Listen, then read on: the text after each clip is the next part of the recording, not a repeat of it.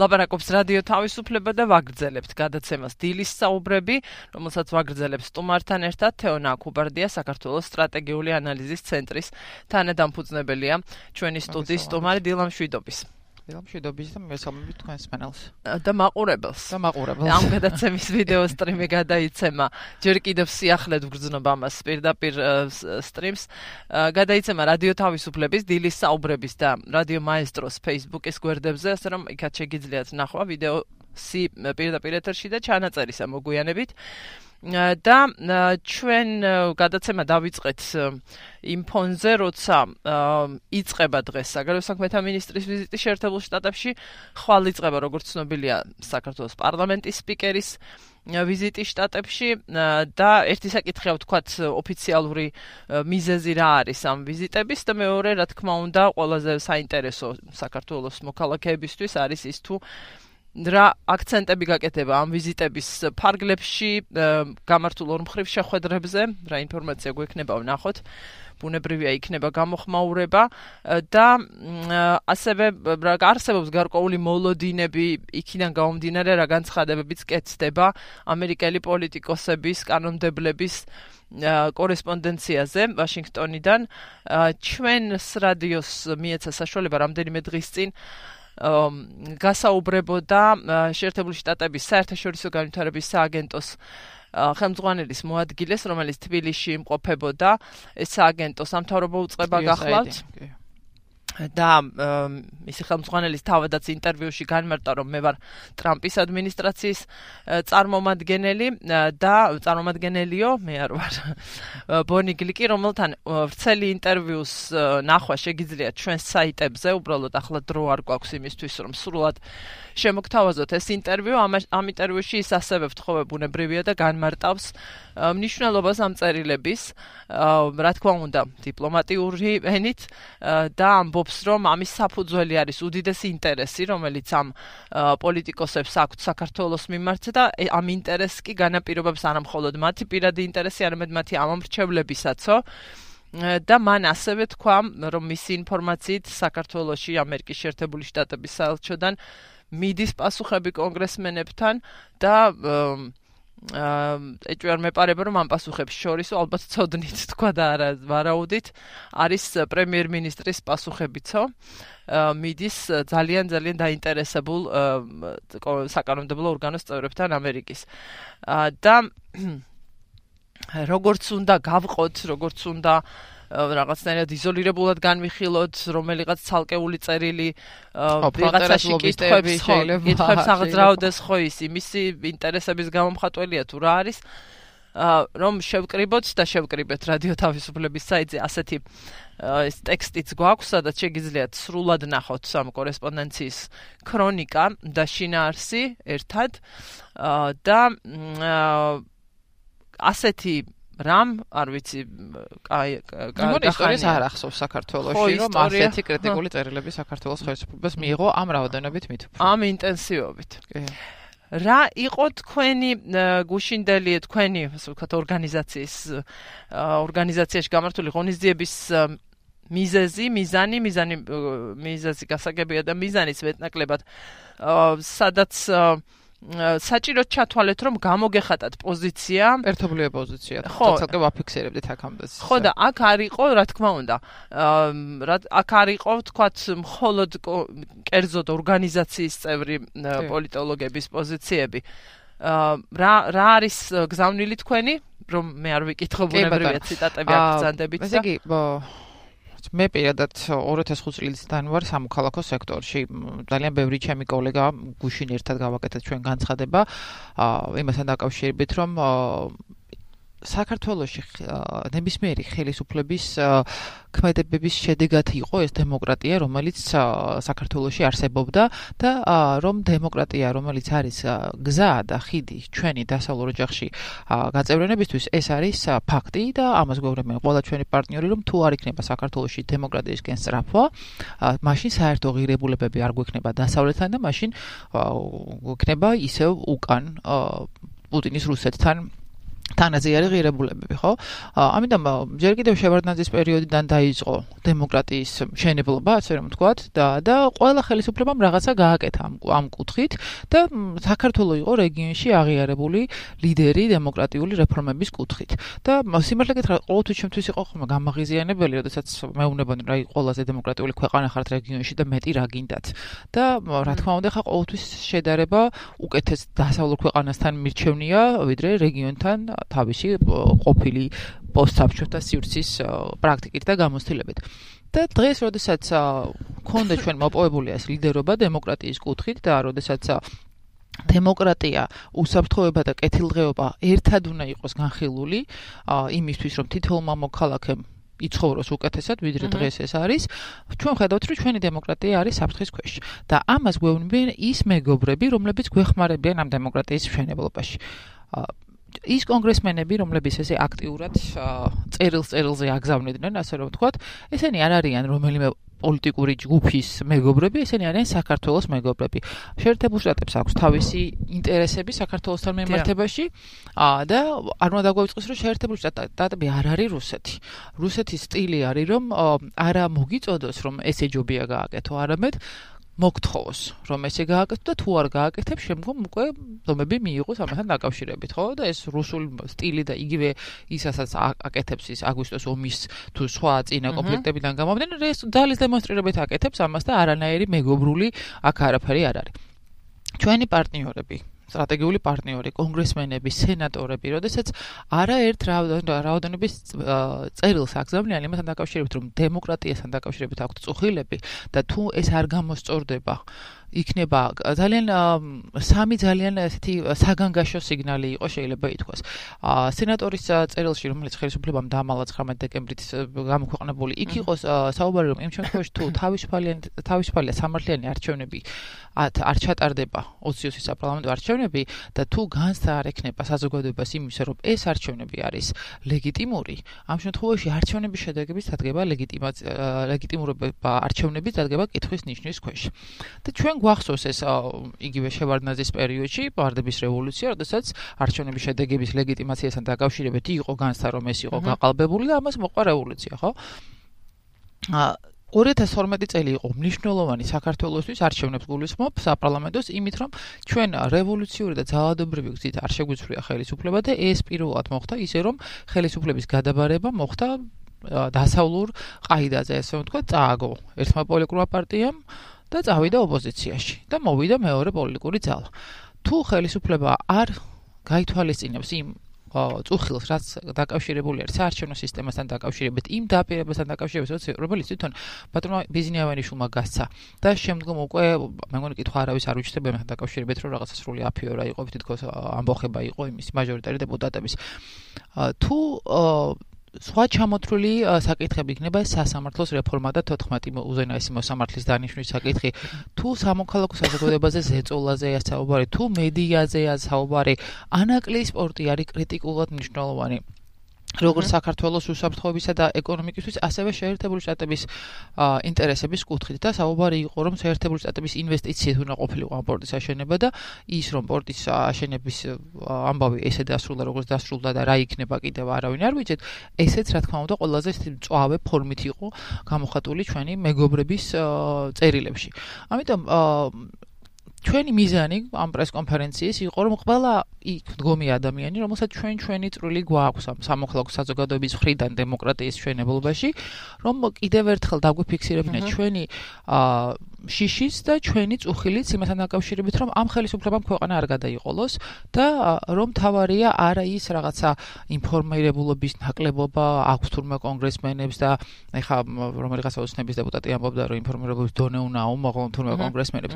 არამედ რეალურად დაიწყონ საქმის კეთება წინააღმდეგ შემთხვევაში არა მხოლოდ ქართული ოცნება დაამთავრებს ცუდად არამედ რისკს შექმნის ეს ქვეყნისთვის რომ ქვეყანა წაიწიოს უკან და ეს იყო მთავარი მიზანი კიდევ ერთხელ რომ რეალურად მოვთხოვოთ ხელისუფლებას რომ ადეკვატურად აღიქვან ამ წერილების შინაარსი და რაღაცა სულველური პრიმიტიული მიზეზებით არ გადაფარონ ის პრობლემები რომელიც რეალურად ქვეყანაში არის შექმნილი ქართული ოსნების ხელისუფლების დამსახურებით. ხო, ამ თვალსაზრისით საკმაოდ რთულ ფონზე იწყება ეს ვიზიტები საქართველოს ხელისუფლების წარმომადგენლების და მე შეიძლება რაღაცნაირად ესეთი იყოს წარმოსახვითი, მაგრამ მაინც კითხავთ მოგვიანებით რა იქნებოდა ახლა მაგალითად აი ესე პირისპირ ჩასული ოფიციალური პირების სწორი გზავნილი ვაშინგტონისთვის. მსმენელი ყავს ხაზზე 2988-327-ია ჩვენი ტელეფონის ნომერი. 2988-327 ჩვენი ეთერი ღია მსმენელებისთვის და მაყურებლებისთვის და მივესალმებით თქვენს მონაწილეობას საუბარში დილამშვიდობის თქვენ გისმენთ. დილამშვიდობისა.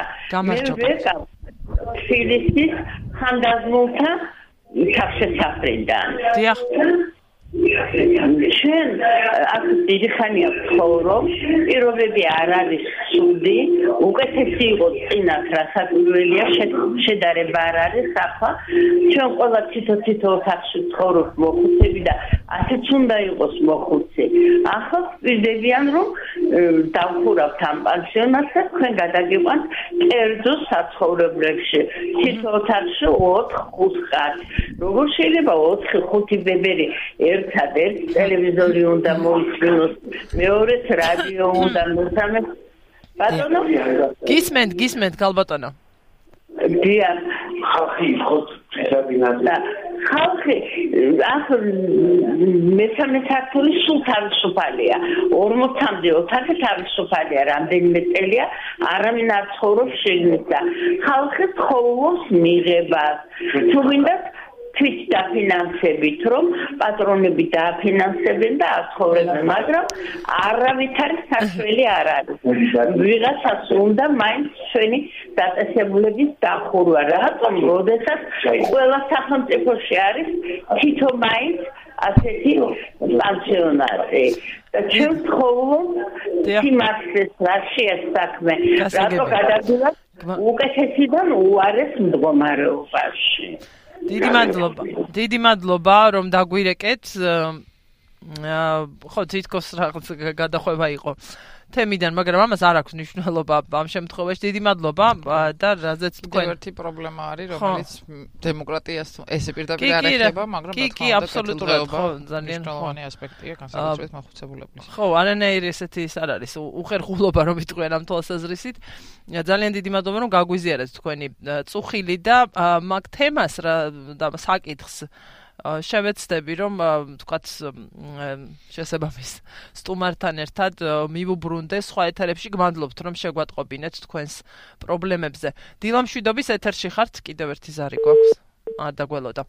2988327-ია ჩვენი ტელეფონის ნომერი. ხო და ვუბრუნდები ამბავს რას ეთყვის ხელისუფლება? ამ კონტექსში რას ეთყოდით ის რა მიდიოდეთ ეს რომ იყოს ადეკვატური ხელისუფლება და ადეკვატური ხელისუფლების არა იმ მდგომარეობაში ჩაყენებული რამოცემულობაც ახლა გვაქვს მე მაქვს მოლოდინი რომ ყველაზე ლოგიკური და ადეკვატური იქნებოდა რომ ხელისუფლებას რეალურად დაეწყო დაპირება გაეკეთებინა რომ აი ამ მიმართულებებით ჩვენ გავაუმჯობესებთ იმ რეფორმებს, რომელიც არის აუცილებელი ქვეყანაში დემოკრატიის კონსოლიდაციისთვის.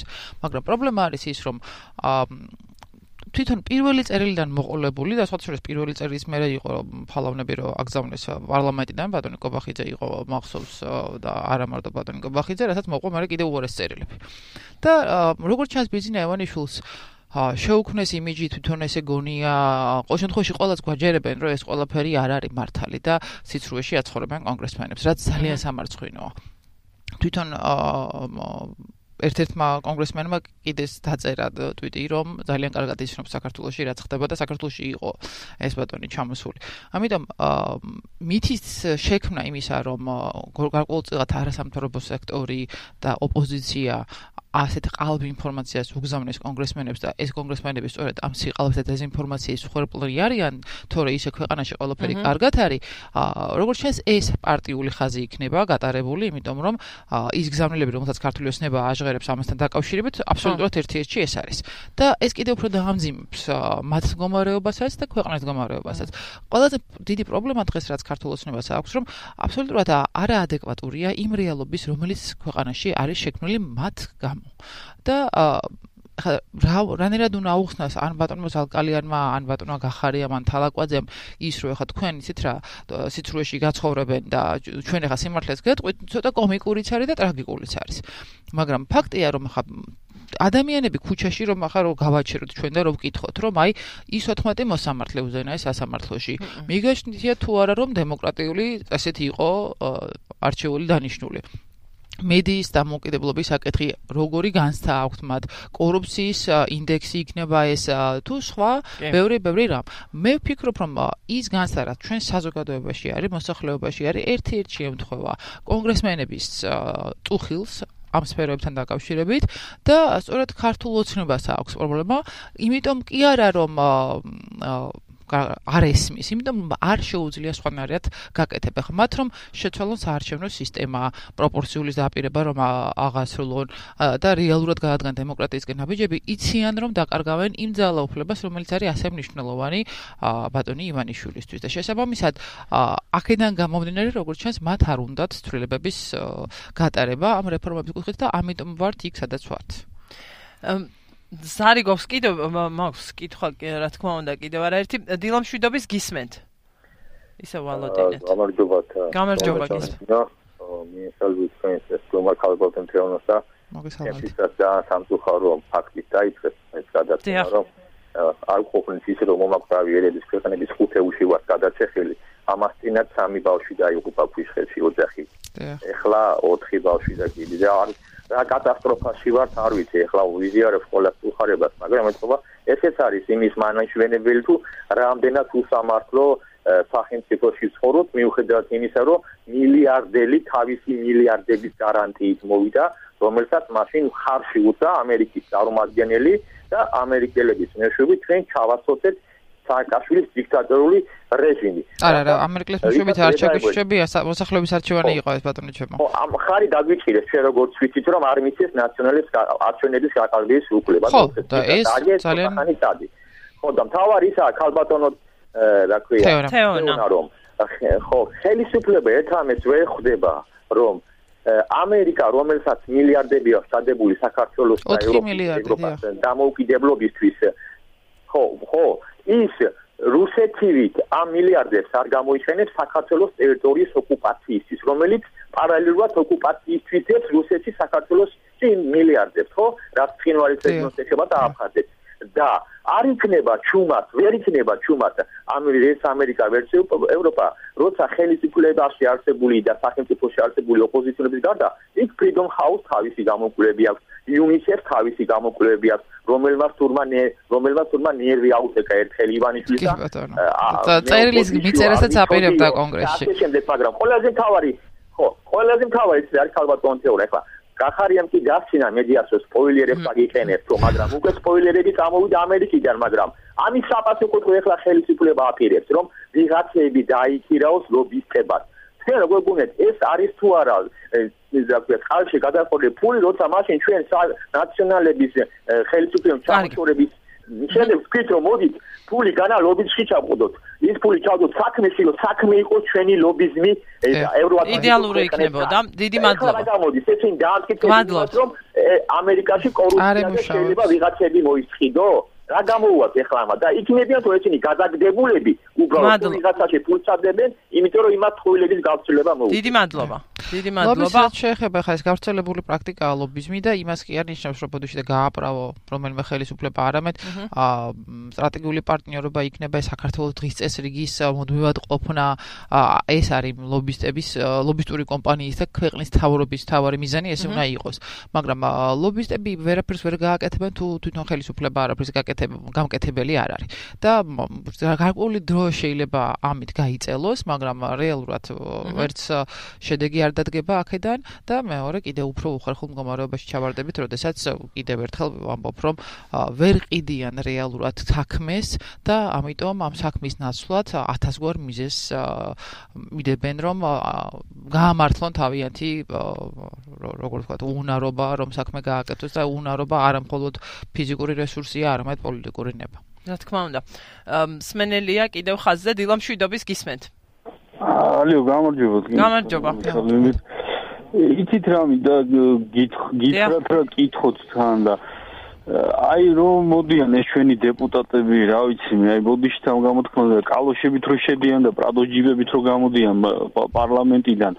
აი ადამიანურად მინდა გკითხოთ, რაში ჭირდებათ ამდენი ფული თქვენი მოსაზრება მაინტერესებს და მეორე რა მინდა გკითხოთ, იცით? რატო არ ხდება არჩევნების სავალდებულო? აი ეს რომ მოვითხოვოთ, რომ აღარ მოხდეს ამდენი გაყალბება და ერთ წელზე არ ვიტრიალოთ ამდენი ათეული წლებია უკვე, ხო? და აი ის ისე მოხდეს რომ ყველა გამოვიდეს არჩევნებზე რომ აღარ მოხდეს ეს გაყალბება რა ბოლოს და ბოლოს. აა გმადლობთ ზარისთვის ხო არაერთხელ დასმულა ეს საკითხი აქ. კი და პრინციპში შეიძლება სავალდებულო იყოს სავალდებულოობა შემდეგ ნიშნავს სანქციას თქვა თუ ყველაფერი შეიძლება მაგრამ აქ საუბარი არის იმაზე რომ თავისუფალი სამართლიანი საარჩევნო გარემო უნარსებობდეს ქვეყანაში და ჩვენ ვნახეთ რომ საპრეზიდენტო არჩევნების მეორე ტურის დროს როდესაც წუხილი დააფიქსირა ეუთო ოდირმა იმასთან დაკავშირებით რომ მეორე ტურში იყო დარღვევები და იყო პრობლემები და განსაკუთრებით კი ეს თუ გახსოვს ბიზნე ევანიშვილის კარტობა ჩამოწერა. ეს შენიშნებით ჯერ კიდევ არ არის ადეკვატურად გადაერქვა, რომ შემდეგ გაირკვა რომ სულ სხვის ხარჯზე და თუმცა დაპირება იყო ესე მოსული. ანუ ის შენიშნებით კი არ არის გათვალისწინებული და საარჩევნო კოდექსის საარჩევნო რეფორმა ეს ძალიან ბევრ ქვეყანაში არის ბევრად უკეთ მოწყობილი ვიდრე ეს ჩვენთან არის, მაგრამ ყოველთვის პოლიტიკურად ხდება ამ ყოველფრის გადალაგება.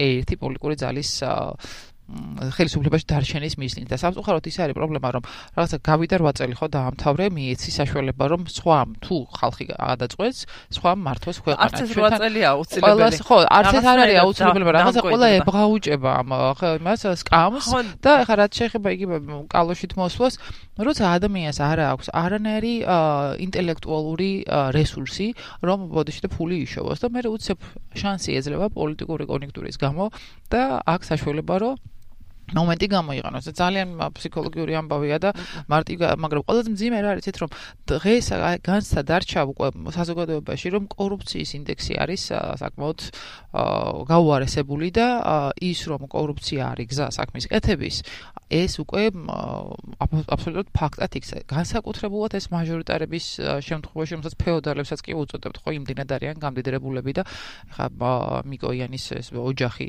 ნავთობის ბიზნესში და ასე შემდეგ. ხო, საერთაშორისო გამჭვირვალობა აქვეყნებს. ხო, აქვეყნებენ და ამას ეს ჩვენ ანგარიშები არის საერთაშორისო გამჭვირვალობის, რომელიც ადასტურებს იმას, რომ არასამართლიანი გზით დიდდება ეს ხალხი, მაგრამ არანაირი ქმედება და რეაგირება ამ ყველაფერს უარ მოყვება. ეს უსამართლობის არის ყველაზე მძიმე საზოგადოებაში. შეიძლება ვინმე თქვას, რომ აი რა თმინდა ესე დემოკრატია, როდესაც ამდენი პრობლემაა. მაგრამ თუ არა გაქვს დემოკრატია, არა გაქვს თავისუფალი ბაზარი, არა გაქვს სასამართლო იმისთვის რომ ინვესტორი შემოვიდეს და შემდგომ თუ საჭირო იქნება თავი დაიცვას სასამართლოს მეშვეობით. მაშინ ის ეკონომიკური პრობლემები, რომელიც ქვეყანაში არის, რა თქმა უნდა, გარდაუვალია და იქნება.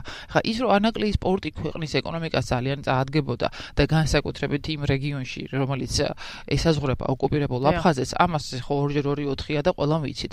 მაგრამ იმიტომ რომ პოლიტიკა იყო, ამიტომ მოხდა ამ საქმის ასე ვთქვათ ჩაშლა და აქ რომ ინტერესი იყოს ეროვნული ხელისუფლების და არა კერძო და პირადი სულ სხვანაირად იქნებოდა საქმე და ამიტომ არის მისაქსები ყურადღება დემოკრატიაზე წოხილებს ჩვენი პარტნიორების იმიტომ რომ დემოკრატიის გარეშე არ იქნება იმ ტიპის თავისუფალი გარემო რომ ინვესტორების შემოსვლა მოხდეს და ამ ყველაფერმა საქართველოს ეკონომიკა წამოაყენოს ფეხზე თითოეულ მოქალაქეს კონდეს ღირსეული შესაძლებლობა და ის მძიმე ეკონომიკური ფონი დღეს ახლა ყველა კვლევა ამბობს რომ ყველაზე მთავარი არის სიღარიბე და ეს მომატებული ფასები ინფლაცია და ყველაზე მეტად ესაწუხებს ადამიანს, მაგრამ აუცილებელია გავიგოთ, რომ თუ არ იქნება დემოკრატიული წინსვლა და ეს ყველაფერი არ განაპირობებს თავისუფალ სავაჭრო ბაზარს ინვესტიციების მოზიდვას, არაფერი არ გამოვა და ის ადამიანი კიდევ უფრო გაღარიბდება.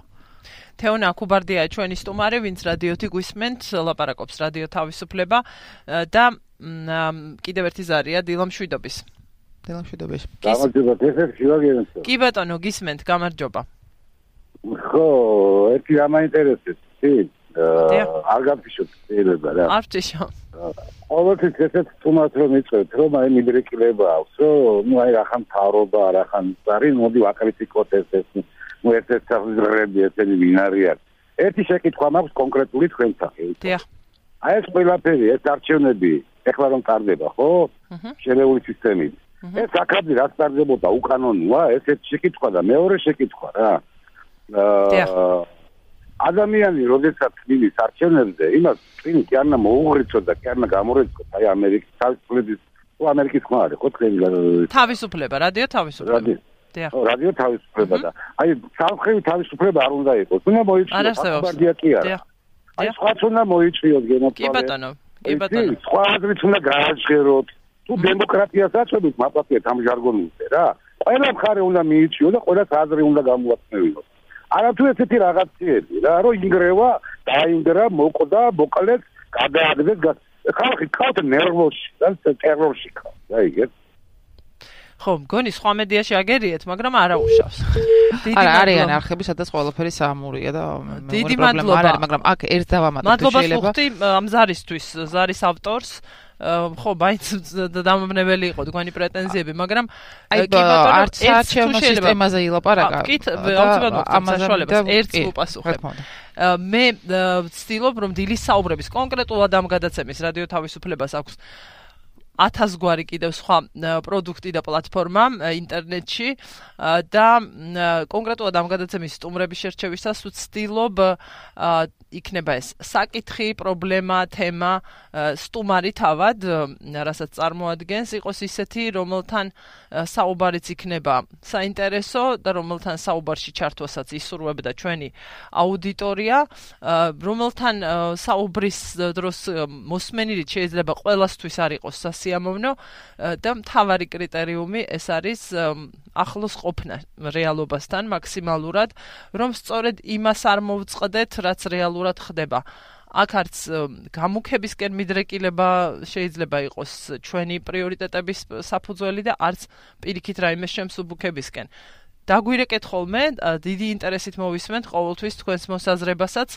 ხო, აი ესე დასვა კითხვა. საარჩევნო სისტემა. რა თქმა უნდა, ახლა იყო უკანონო იყო. აა, არავინ არ ამბობს ამას, რომ უკანონოა, ახლა ბრიტანეთში არის მაჟორიტარული სისტემაც, შეერთებულ შტატებშიც არ არის ამის პრობლემა. ბევრ ქვეყანაშია ხო შერეული სისტემა, მაგრამ ამ შემთხვევაში ჩვენ ნახეთ, რომ 20 ივნისის ეს ეგრეთ წოდებული გავრილობის ღამის შემდგომ ძალიან ესეთი დამთხალმა ბატონმა ვიძინა ივანიშვილმა დაგვერდა ყოველას სატელევიზიო გამოსვლით, რომ აი ახლა იმიტომ რომ ეს ყველაფერი დაწყვნარდეს და ლაგდეს და აა გადავიდეთ რაღაცა ნორმალურ რეჟიმში, აგერ გექნებათ ახლა ესეთი სისტემა.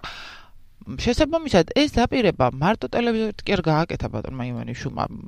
მისი ხელდასმული პრეზიდენტი სალომე ზურაბიშვილი აფრინა აა მაშინ რა ქვია გაეროში და იქ ხალბატონმა პრეზიდენტმა გააჟღერა ეს, რომ ახლა ჩვენ ამას ვაკეთებთ.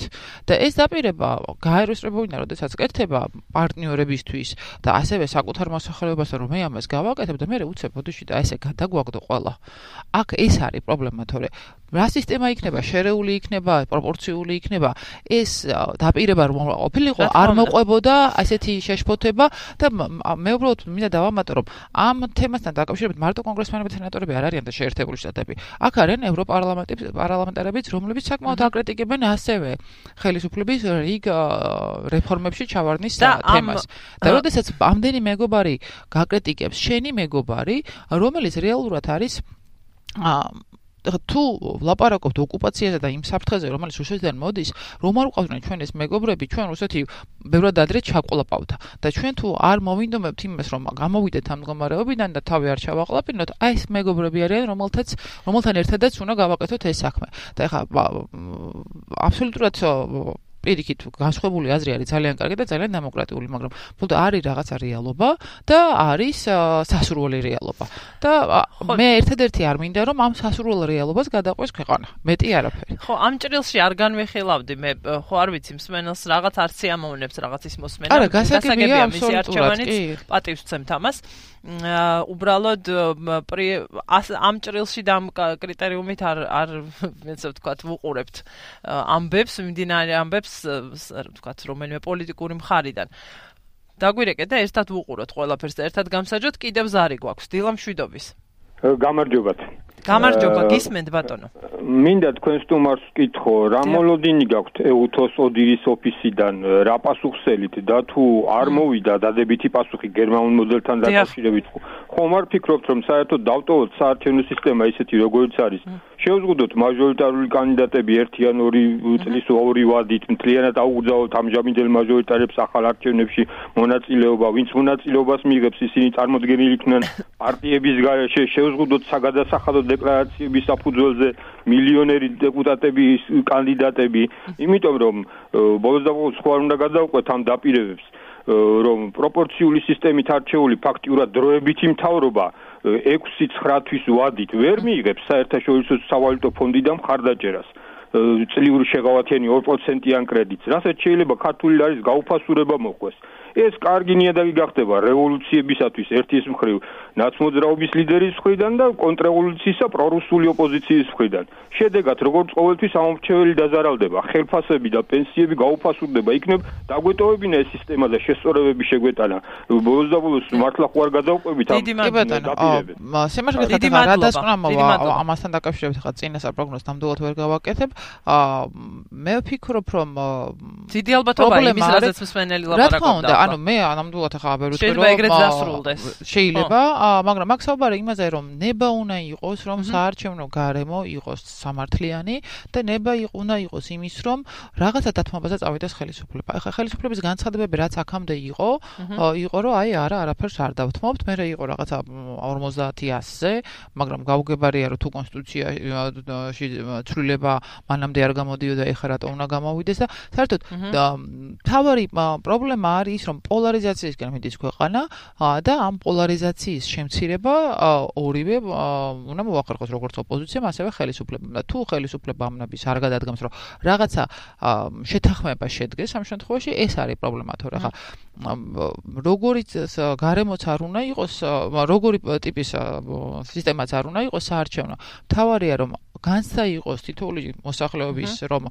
ეს ყველაფერი არის სამართლიანად და გაყალბებას ადგილი არ ქონდა და მეორე ის რომ სასამართლო უნდა იყოს თავისუფალი, მაგრამ პრობლემა ასევე სასამართლოშიც მიდის უკვე აქ და ეს არის და რა თქმა უნდა აბსოლუტურად დავეთანხმები სვენელს რომ საფრთხები ძალიან დიდი ამ არჩევნებიდან გამომდინარე რუსეთი რომელიც როგორც ქვეყნის საგარეო პოლიტიკის კუთხით გვიქმნის პრობლემას, ასევე საშინაო და ძალები საკმაოდ მომძლავრებულია ქვეყნის შეგნითაც და რა დროს მოინდომებს რუსეთი კიდევ უფრო აურიოს ქვეყანა, კაცმა არ იცის და მისი მიზანი არის რომ აქ ქაოსი იყოს და ეს ქაოსი არ უნდა დაუშვათ. კიდევ უფრო წინა საარჩევნო პერიოდი რა ხდება? კი, რისკები არის და ეს რისკები უნდა დაითვალოს და რაღაცა ეროვნული ინტერესთან უნდა გამოვიდნენ ორივე ძალა, ოპოზიციური და ხელისუფლების. მაგრამ ხელისუფლების ამ შემთხვევაში რიტორიკა აქამდე რაც იყო, იყო ის რომ არაფრის დათმობას არ ვაპირებთ, რაც მცდარია, იმიტომ რომ რისკები ნამდვილად არსებობს და ამ რისკებს ჭირდება განაიტრალება.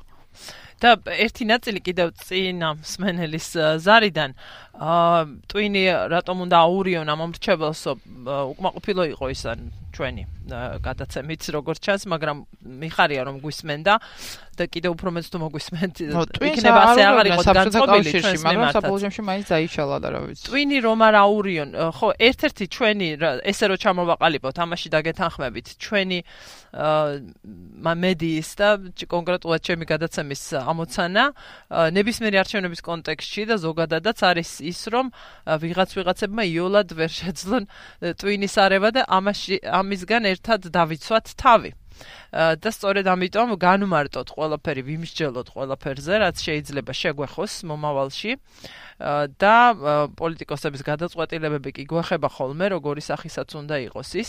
და რაც შეეხება ამ სისტემას საარჩევნოს, ასევე არის წარმოდგენა რომ რაღაც თქვა კატეგორიული პოზიციებია იმავე დასავლეთის მხრიდან კიდევ ზარი გვაქვს და მე ახლა უცებ მოვრჩები პოზიცია არის ასეთი გადაწყვეტა იმისა თუ რა სისტემა ექნება საქართველოს არის საქართველოს მოქალაქეების ქართველი პოლიტიკოსების საქმე უბრალოდ ერთი პრინციპი რასაც მხარს უჭერს დასავლეთი დასავლელი პარტნიორები რომლებზეც აგერ ქალბატონი თეონა ახლა სწორედ ლაპარაკობდა არის ის რომ ნიშნულოვანია პარლამენტში პროპორციულად და თანაზომადად იყოს წარმოდგენილი საქართველოს ამრჩევლის არჩევანი. და ამისთვის როგორ სქემას და ფორმულას მოიფიქრებენ ქართველი პოლიტიკოსები და როგორ შეთანხმდებიან ეს მხოლოდ მათი საქმეა რა თქმა უნდა ამაში ვერავინ ჩაერევა პროპორციულზე იმიტომ იყო გაკეთება ყველაზე ადვილი რა თქმა უნდა არის თვითონ დაპირება იყო ამ პროპორციულის. რა თქმა უნდა რა თქმა უნდა. და კიდევ ერთი ზარი დილამშვიდობის გისმენთ გამარჯობა ხაზატონინო მოგესალმებით. გამარჯობა ხაზატონინო რამინდო დაიცე მე თქვა აი ჩემის დაგპირვით არჩევნებზე გარკვევით ეს 90-იან წლებში სულ მონაწილეობდი და დიახ. გარკვევდებოდი და ხედავ რომ აი ეს მიღებული ფორმა მართლობისა საპარლამენტო რესპუბლიკა. როდესაც პარლამენტი წყვეტ და პრემიერი საქართველოს ამ პერიოდისათვის მოუმზადებელია. ავიღოთ აფათქებ პარტია. ეს გეთახმებით. აი ხელი ბულზე ხელი დავითო და თქვა ჩამოთვალოთ ერთი ნამდვილი პარტია რომელია. ახლა ხაზარიზეს პარტია პარტია თიხაჩინია. ნათელაშვილის პარტია პარტია. ანდა ოცნება ანდა ნაციონალური ეს ხო პარტია. ეს ხო კლანური ჯგუფური გაერთიანებებია. რომლებიც ხან ერთი ჯგუფიდან მეორეში გადახდებიან ხან კარგი რა იქნებოდა უმჯობესი მაშინ თქვენი აზრით? მაშინ რა იქნებოდა იცი? უფრო საპრეზიდენტო მართლობა მისახებია ჯერ პრინციპ მართლობა ვერტიკალისაც სხვა რაც რაც აქვს ზოგიერთ ქვეყნას აი საფრანგეთი როგორი ამანაც რო პრობლემები შექმნა საქართველოს. ისეთ არის ეგეთ ერთი რასაც ვიტყვი ბატონო ჩემო უბრალოდ არავის გადავიდა საპარლამენტოზე თავისთვის რომ მოიმზადა კონსტიტუცია რო შეცვალა თავის ქვეშ რო გეიფინა არისო მაშინ საპარლამენტო საპარლამენტო ბოლომდე სააკაშვილის კონსტიტუცია. არ არ შეძლებოდა მეორჯერ ხელს მოსულ მაშინ არ იქნებოდა ეს გმადლობთ. ეს იქნება ყოველთვის პრობლემა. მეორე ანაკლი ანაკლია. რა შეჭირდება საქმეს? ეს ეკონომისტება ხო გათვალს რომ ის მომგებიანი არ არის ანაკლია. ფოც რას უძვებით ხულებს რას უძვებით ბათონს რას უძვებით გამუშავებთ ბატონო. მესმის არის ეს კითხვები არა ბატონ საკურორტო ზონა წინდა ყველაფერი და მოკვდა შავი ზღვა ანაკლია ზედმეტია ხო დიდი მადლობა ეკონომისტები რომლებიც სხვადასხვა მოსაზრება მე არ ვარ ეკონომისტი და არ შემისწავლია და ეკონომისტი მოწესე ან დაშერებულ პოლიტიკოსებს მივიწევთ ბატონო როგორ ვის ვიწევთ არა ვარ პოლიტიკოსი არ არის ჩვენი სტუმარი არის პოლიტიკოსი რომლის სხვადასხვა პარტიას თანაგრძნობენ და ამაზე მოდიან. მოდით ახლა თანაგრძნობას რაც შეეხება ყველა გვაქვს სიმპათია, ანტიპათია და ამის უფლება რო გვაქვს ეს იმიტომ არის რომ დემოკრატიულ ქვეყანაში ვართ. რაც შეეხება ანაკლეს ძალიან ბევრი სტატია არის რომ დათრული ეკონომიკური ასპექტებით და ასევე უსაფრთხოების ასპექტებით და თუ გნებავთ შეგიძლიათ დაინტერესების შემთხვევაში ინტერნეტში ნახოთ. რაც შეეხება საპარლამენტო საპრეზიდენტო ხმსიმართლე გითხრათ ვიღაცა ასე ფიქრობს, ვიღაცა ისე ფიქრობს. მე მაგალითად ფიქრობ რომ ყველაზე კარგი იქნებოდა ეკითხა, იქნებოდა ეს რაღაცა პლებისციტი ჩატა გატარებულიყო რომ როგორი მოდელი ჯობია. კი, რა თქმა უნდა, ამ საპარლამენტო რესპუბლიკას რისკები თავისი ახლავს, იმიტომ რომ ჩვენთან არ არის პოლიტიკური კულტურა, არ არის ასე ვერტკირონულსაც რომ ახლავს, ესეც ვიცით, ხო, რა თქმა უნდა, იმასაც ახლავს. ამიტომ გარკვეულწილად ამ ყველაფერს მონდოდება ჭირდებოდა და აზრის კითხვა ჭირდებოდა, იმიტომ რომ ჩვენ გვახსოვს კვლევებში არ ეთანხმებოდა საზოგადოება, ეს NDI აირაის კითხები ხა რამდენად სარწმუნოს ხვის არ ვიცი, მაგრამ ყოველ შემთხვევაში იყო იქ რომ საპრულ საპარლამენტოზე გადასვლა არ ეთანხმებოდნენ და ასევე პრეზიდენტის არჩევნია და საყოველთაო არჩევნების მომხრეობა არსებობდა საზოგადოებაში. ამიტომ რომ ყოფილიყო ასე რომ ვთქვა დემოკრატიულად ნების კითხვა საზოგადოებაში იქნებოდა უკეთესი, მაგრამ რაც არის ეს არის დიახ. ხო არ ვიცი როგორიც უნდა იყოს სისტემა მგონი უნიშნელოვანესია და კიდევ სხვა ქვეყნების გამოცდილებასთან შედარება ამ სისტემების კონტექსში. არ არელევანტური მგონია გვაქვს ის მოცემულობა რაც გვაქვს. აა გვაქვს ის ისტორია უახლოესი ისტორია რაც გვაქვს. ჩვენი ის ჩვევები კიდევ გადმოყოლილი საბჭოთა ცხოვრებიდან. აი მათ შორის ის სხვათა შორის სვენელმა რომ ეკითხა ამდენი ფული რაში სჭირდებათ არ ვიცი რაში სჭირდებათ. რატომ შეიძლება ეს იყოს თქვათ ესეთი ამ გზით თან რა გზაზეც ჩვენ ახლა ვლაპარაკობთ ხო აი ეს ყველაფერი აი ამ აი ეს მოცემულობა გვაქვს ასეთები ვართ და ამ ვითარებაში როგორი სისტემაც უნდა იყოს რის თქმა მინდა ის სისტემა უნდა იყოს გამჭვირვალე სამართლიანი და ყველა მოქალაქე მეტნაკლებად უნდა იგრძნოს ჩართულობა ამაში დღეს აი გადაცემა ამით დავიწყეთ ვიდრე თქვენ შემოხვიდოდით სტუდიაში ჩვენ ახლა არჩევნების წინ წინა პერიოდში ვართ უკვე და არ გვაქვს განსაზღვრული რა წესებით ჩატარდება ეს არჩევნები. თუნდაც ის დარჩება იგივე თუ არა, არ აქვს მნიშვნელობა, რას მეტი ალბათობა აქვს. ეს რაღაცნაირად ჩიხში შესული დიალოგიც მორიგი შეხვედრის მოლოდინში დასავლელი შუამავლების მონაწილეობით მათ შორის ეუთო ოდირის დასკვნის მოლოდინი იმ შეთავაზებაზე ოპოზიციისა რაც რა რა რა მოლოდინებს გიჩენთ ეს თქვენ და რა რისკებს შეიცავს ეს სიტუაცია? რომელიც შეიძლება არ დასრულდეს შეთანხმებით თავარი თავარი რეალურად მიზეზი რის გამოც ეს დიალოგის პროცესი დაიწყო ეს იყო ჩვენი პარტნიორი ქვეყნის წარმომადგენლები საქართველოსში რომლებიც ხედავდნენ იმ რისკს რომ პოლარიზაციისკენ მიდიოდა ეს ყველაფერი და მოუწოდებდნენ ხელისუფლებას რომ რამენერად დამსწრეყვან მაგიდას და მოლაპარაკების და ეს ქუჩაში დაპირისპირებას ის ფორმა არ მიიღო ამ ყველაფერს და ნახეთ რამოდენიმე რაუნდი სადაც არც თუ ისე კმაყოფილი იყო ხელისუფლება ამ ფორმატით და ნათქვამის ქონდათ საჯაროდ რომ აი სწორედ ხათრი გაუწიეს ჩვენ პარტნიორებს და ამიტომ დასთან. ამიტომ თავარი პრობლემა არ არის ჩვენ რაღაც მიჩვეულები ვართ, არ ვიცი ეს ხასიათი გვაქვს, არ ვიცი ეს საბჭოთა მემკვიდრეობიდან გამომდინარე რომ რაღაცა ქუჩაში უნდა გადაწყდეს ყველანაირი გაუგებრობა. არ არის ეს სწორი გზა ქვეყნისთვის. ნახეთ ჩვენ ამ ქუჩაში გადაწყვეტილი დავები და არ იყო ეს ქვეყნისთვის სასარგებლო. ამიტომ მოლაპარაკება რა თქმა უნდა აუცილებელია და გაკვეთილად აუცილებელი არის ასევე ის რომ საზოგადოება მირწმუნოს. და აქ არა რომელიმე კონკრეტული არქის მაყურებელმა, არამედ მთლიანად საზოგადოებამ. იმიტომ რომ არ არსებობს ისეთი რეალობა, რომელიც რეალობასთან კავშირში არ არის და ამის პრობლემაზე საქმესმენელმა ისაუბრა, ხო? ამიტომ ერთის მხრივ დიალოგი აუცილებელია და განსთა უნდა გაუჩნდეს საზოგადოებას, რომ არჩევნები ტარდება თავისუფალ და სამართლიან გარემოში. წინააღმდეგ შემთხვევაში რისკები იზრდება და ამ რისკებთან ერთად რუსეთი, რომელსაც აქვს მიზნად, რომ საქართველოში არ იყოს დემოკრატიული თერება და არ იყოს იმშვიდე და იყოს მონმევი ქაოსი, რაც მის პოლიტიკას კიდევ უფრო გაუხსნის ხელს და ახლა როდესაც კონგრესმენების წერილშიც იყო, რომ პუტინის გავლენა რეგიონში გაიზრდება, ეს ძალიან შემაშფოთებელი სიგნალია, ამიტომ უნდა მოусმინოთ ჩვენს მეგობრებს, ისინი არ არიან რომელიმე პოლიტიკური პარტიის მეგობრები, ისინი არიან ქვეყნის მეგობრები, ჩვენს მეგობრებს შეერთებული შტატებიდან ჩვენს მეგობრებს ევროპიდან და მაქსიმალურად გავაკეთოთ ისე რომ გამოუძვრეთ ასე რომ ვთქვათ ამითარებიდან ნაკლები ზიანი. რა თქმა უნდა რთული იქნება, მაგრამ შეუძლებელი არა. რა თქმა უნდა, თეონა აკუბარდია და ვეცადოთ ტვინი არ აგვირიონეს, კარგი რამ მიკარნახეთ ფრაზა, თორემ ეს იყო მუდმივად ამოცანა, არავინ, არც ერთმა ძალამ პოლიტიკურმა. თეონა აკუბარდია იყო ჩვენი სტუმარი, საქართველოს სტრატეგიული ანალიზის ცენტრის თანადამფუძნებელი. დიდი მადლობა თქვენ, დიდი მადლობა ჩვენს მსმენელსა და მაყურებელს. მე გემშვიდობებით ხვალამდე ლაპარაკობს რადიო თავისუფლება.